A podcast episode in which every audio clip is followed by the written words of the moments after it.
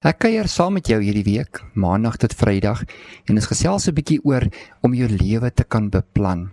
Om sin en betekenis aan jou lewe te gee deur jou lewe te beplan. Nou 'n mens kan sommer maar net so uh onverantwoordelik lewe en dag na dag opstaan en doen wat jy moet doen, gaan slaap en jy slaap en eet en werk en kerk en slaap en eet en werk en kerk en so af en toe ontspan jy en baie mense het net ontspanning. Hoe jou lewe ook al lei, Dit maak net meer sin om te kan sê, Here, ek wil iewers eers iets met my lewe begin doen. Ek wil ook doelwitte hê, Here. En dikwels verwar ons wat is God se deel en wat is ons deel in dit alles. Jesus het alles moontlik vir jou kom doen dat jy kan lewe. Hy het alles moontlik vir jou gegee dat jy 'n vervulde mens kan wees in hierdie lewe. Nou wat ek en jy maak met die lewe, dit bepaal of ons se lewe en lewe in oorvloed hê. Somstyds verwag ons van die Here om meer te doen as wat ons vir onsself bereid is om te doen. En vir daardie rede kom vra God so af en toe vir my en jou. So wat is jy bereid om te doen? Die skrif vir vandag is as daar geen openbaring is nie, word die volk bandeloos, maar hy wat die wet onderhou, gelukkig is hy. Net daardie bandeloosheid is 'n plek van geen visie nie. As jy geen rigting vir jou lewe het nie, dan wag jy maar net per abuis dat iets goeds met jou moet gebeur. En soms kyk 'n mens na ander mense se lewens en jy wonder, "Ag, hulle is so gelukkig. Hoekom bereik hulle alles en hoekom hoekom gaan hulle lewens iewers elders heen?" Want ek en jy het ook 'n innerlike openbaring nodig. Ons het rigting nodig om te weet wat maak ons met ons lewens? Waartoe gaan ek en jy met ons lewens? Wanneer die woord sê in Spreuke 21 vers 31 die perd word reggemaak vir die dag van die geveg maar die oorwinning is deur die Here. Sien in hierdie teks is daar 'n mensdeel en dan is daar 'n goddelike deel. En soms wil ons sommer hê die Here moet die perd ook regmaak vir die geveg en terwyl ek by die huis sit en niks doen nie moet die oorwinning sommer maar net my pad langs kom. Maar ek en jy het iets om te doen in dit alles. Ons maak die perd reg vir die geveg. Ons berei hom voor, ons voer hom, ons saal hom op, ons ons maak seker die ammunisie of die wapens of wat ons ook al gaan doen in hierdie geveg is in plek. Met ander woorde, ons voorbereiding is in plek. En dan hang die oorwinning af van die Here. So ons gaan doen wat ons moet doen. Ons doen ons menslike deel en dan vertrou ons God om die bo menslike gedeelte te dit doen. Die bo natuurlike gedeelte te kan doen. Niemand anderste kan jou lewe vir jou leef nie. En al neem ander mense besluite waaroor jy geen beheer het nie, is daar nog steeds besluite waaroor jy die reg het om dit te kan neem. Wie jy is, word nie bepaal deur waar jy is of wie om jou is nie. Wie jy is is 'n innerlike besluit wat jy in jou hart maak met die met die leiding van die Heilige Gees in die binneste om vir jou te sê wie jy is. In Lukas 1:17 praat die woord ook daarvan om 'n voorbereide volk, 'n toegeruste volk vir die Here voor te berei. Die Engels sê to make ready a people perfectly prepared for the Lord. Nou daardie voorbereiding, dit is my en jou deel. Wanneer ek en jy doen wat ons kan doen, dan vertrou ons God vir die bonatuurlike gedeelte wat ons nie kan doen nie. So terwyl ons nou kyk na ons lewe en ons kyk na 2022, so loop die tyd verby. En een van die dae gaan ons weer doen wat ons onlangs gedoen het, dan sê ons vir mekaar geseënde Kersfees en 'n voorspoedige nuwe jaar. Dan is die vraag, wat het jy met jou tyd gedoen? Waar staan jou lewe dan? Teen daardie tyd. En kan ek en jy dan sê, weet jy wat, hierdie was my beste jaar ooit. 2022 het ek my deel gedoen. Ek het my my 10 gegee. Ek het my 10 dig gegee, my 10de van my tyd, 10de van my dissipline, 'n 10de van alles wat ek moes doen en ek het God vertrou vir die ander 90 wat buite my bereik was. En dis al wat die Here vra. Al wat hy sê is, doen jy net jou deel. Ek doen my deel. Bring jy jou kant want in dit wat jy bring dit openbaar ek ook my goedheid. Ek openbaar ook my oorvloed deur jou gehoorsaamheid wat 'n klein gedeelte is wat ek en jy bring Nou daar's baie dinge in die lewe as ons begin praat oor beplanning en doelstellings. Raak mense soms negatief want hulle dink dit is 'n wettiese ding. Hulle dink ook dat dis nou 'n ding wat ek elke dag moet doen. Jy weet, dit is nou voornemens. Dit is nou nuwejaars voornemens en ons spring weg met 'n groot spoed en dan verloor ons tempo en spoed hier na die eerste maand. Hier na die tweede maand nog stadiger. Nie by die derde maand is daar geen blik kan sien van niks wat ons begin het nie. Nou dit gaan nie net oor hoe ek en jy begin het, gaan ook oor hoe ons klaarmaak. Daai konstante deurvoer van die besluite wat ek en jy maak, so bou 'n mens 'n lewe. En terwyl ek hier met jou sit en praat, wil ek vir jou vra, waantoe wil jy hê met jou lewe gaan in hierdie jaar?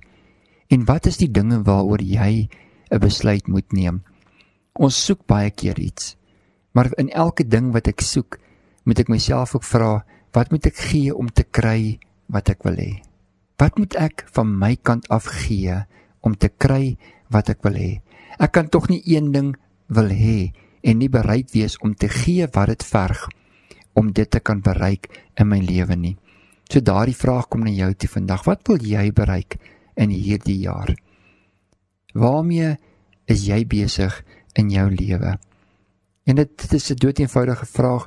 Ons moet vir onsself vra, waar is ek nou? Waar bevind ek myself in hierdie oomblik? En waarheen, die tweede vraag, wil ek gaan? Waar wil ek wees? Wat wil ek bereik?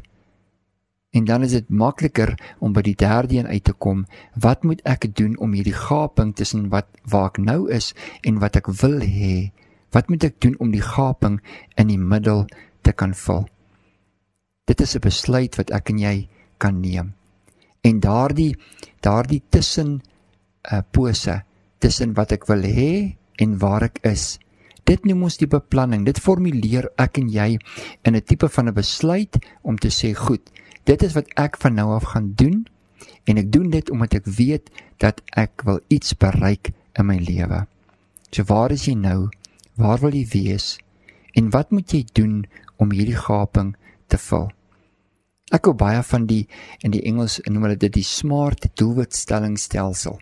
Maar ek gaan dit vir hierdie week 'n bietjie vertaal en dan gaan ek dit prakties vir my en jou maak en ons gaan dit in Afrikaans, ons gaan in Afrikaans beplan. Ja, ons gaan dit in Afrikaans doen, maar ek gaan bly terugverwys na die smart en elke lettertjie verteenwoordig 'n beskrywing. Dit verteenwoordig 'n terminologie in hierdie beplanning wat ek en jy in ons lewens gaan aanpak. Dit is slim beplanning en ek dink dit is sommer 'n pyknaam vir my en jou om te verstaan wat moet ons as deel van ons beplanning in ag neem en op die einde van die dag wil ons dit neerskryf. So haal jy notaboekie uit en haal jy joernaal uit of as jy 'n slim foon het of 'n tablet het, skryf dit iewers elders neer. Moenie net dink oor hierdie goed nie, maar skryf dit neer. Want die eerste letter van smart van slim is die S En daardie S verteenwoordig om spesifiek te wees met die doelstelling van jou lewe. Spesifiek te wees met wat jy wil bereik. Nou om 'n impak te kan maak in hierdie lewe, uh, is daar verskeie aspekte wat ek en jy net in onsself moet uitklaar want hierdie innerlike beplanning begin binne in my en jou. Kom nie van buitekant af nie. Dit wys buite. Ehm um, wat ons binnekant dink wys aan die buitekant. Maar in hierdie oomblik wil ek vir jou sê, weet wie jy is en verstaan wat die doel van jou lewe is. Want daar waar jy is, daarmee moet jy begin. Jy kan nie begin met iets wat iemand anderste het nie. En God verwag ook nie van jou om iemand of iets te wees wat hy jou nie gemaak het om te wees nie. Moenie jouself vergelyk nie. Moenie na ander kyk en wens jy kon dit gehad het of wens jy kon dit bereik het nie. Weet wie jy is want jou doel in jou lewe is uniek. Daarom is jou plan ook uniek. En daarom begin jy met waar jy jou liggaam, siel en gees bevind om te kan sê, hoe kan ek myself verbeter? Ja, jy is goed genoeg soos wat jy is. Maar weet jy, daar's 'n beter jy in jou. En ek en jy wil altyd alles doen wat ons kan doen om by daai beter ons te kan uitkom. Ek wil nie stagneer in my lewe nie. Maak nie saak hoe jonk of hoe oud ek al was in my lewe nie en maak nie saak hoe jonk of oud jy in hierdie oomblik is nie. Daar's 'n beter jy in jou wat roep na daardie beter. Weet wie jy is en verstaan wat die doel van jou lewe is. En dan begin jy die plan rondom dit te formuleer. Jy sien, tweedens 'n duidelike plan vir ons lewe help ons om daai doel te kan vervul. So nie wag ek dat iets goeds moet gebeur en ek is nooit regtig besig met die regte dinge, die regte beginsels, die regte plan om my daarheen te kan neem nie. As ek en jy saam in 'n voertuig sou klim en ons besluit goed, ons gaan Kaap toe. Ons gaan Stellenbosch toe. Dan moet ons sekerlik weet waar begin ons met hierdie reis en hoe gaan ons tussen waar ons is tot in Stellenbosch onsself bevind. Hoe gaan hierdie pad soontoe lyk? Gaan ons stop iewers eers? Gaan ons ietsie eet? Gaan ons dalk oornag? Hoe lyk hierdie pad wat ons moet aandurf na waantoe ons heen op pad is? Dit is hoekom 'n mens beplan. En dit is nie 'n negatiewe iets nie, dit is 'n baie positiewe iets in 'n mens se lewe. Ek dink elke mens behoort ten minste te weet wat is die doelstellings waarmee jy hierdie jaar jouself besig vind. Wat is die plan van jou lewe? As ek daai duidelike plan het, dan weet ek om my tyd effektief te bestuur. Dan hang ek nie net nutteloos rond nie. Ek bestuur my tyd. Ek benut my tyd. Ek weet dat alles wat ek doen, is daar 'n rede vir hoekom ek dit doen. Nou ja, ek is 'n voorstander daarvan as jy rus, dan moet jy rus. Maar kyk, ons almal kan nie net die hele tyd rus nie, nê. Nee. Ons almal kan ook nie net werk en aanhou werk en nooit rus nie. So daar's 'n balans in ons lewens wat ek en jy moet probeer vind. En daai balans verskil vir almal. Hoe ouer jy raak, hoe meer rus het jy dalk nodig of hoe minder rus het jy dalk nodig. Dit is afhangend van wie jy as mens is. Maar die plan wat jy gaan skryf vir hierdie week hang af van wat jou doel is. Wie jy in hierdie lewe geroep is om te wees. En dan begin ons daardie tyd so te identifiseer dat ons weet wanneer doen ons wat. En dan moet ons onthou, ons moet dit geniet. Hierdie ja, hierdie beplanning moenie stereotiep wees. Dit moenie meganies wees dat ek so alles op die regte manier doen en ek het 'n plan vir my lewe, maar jy weet, ek geniet niks meer daarvan nie. Nee, geniet dit. Dis lekker om te doen wanneer jy die regte ding doen in jou lewe en jy weet ook wat se resultaat of wat se beloning dit vir jou as mens weer gaan teruggee. Want jy is die een wat bevoordeel word deur elke goeie besluit wat jy in jou lewe maak. Of daai besluit lekker of 'n of 'n minder lekker besluit is. Jy kry die voordeel van elke goeie besluit wat uit jou binneste gemaak word. En vir elke doelstelling wat ek en jy gaan gaan opstel, is daar 'n wetenskap. Daar's 'n manier hoe jy dit moet doen wat jy vir jouself gaan doen. So as ek nie weet hoe om 'n doelwit te bereik nie, dan moet ek meer gaan oplees of met iemand gaan praat of iemand gaan sien om vir my te help om te weet hoe bereik ek hierdie doelwit. Terwyl ek in die atletiese bedryf voorberei het vir my Suid-Afrikaanse kampioenskappe, het ek op 'n stadium nou ja, in 'n gimnasium ingestap en as as jy um, in 'n gimnasium instap, is dit baie ronde wiele en koue uh, eisters en ronde silinders en masjiene. Waar begin jy? Wat doen jy?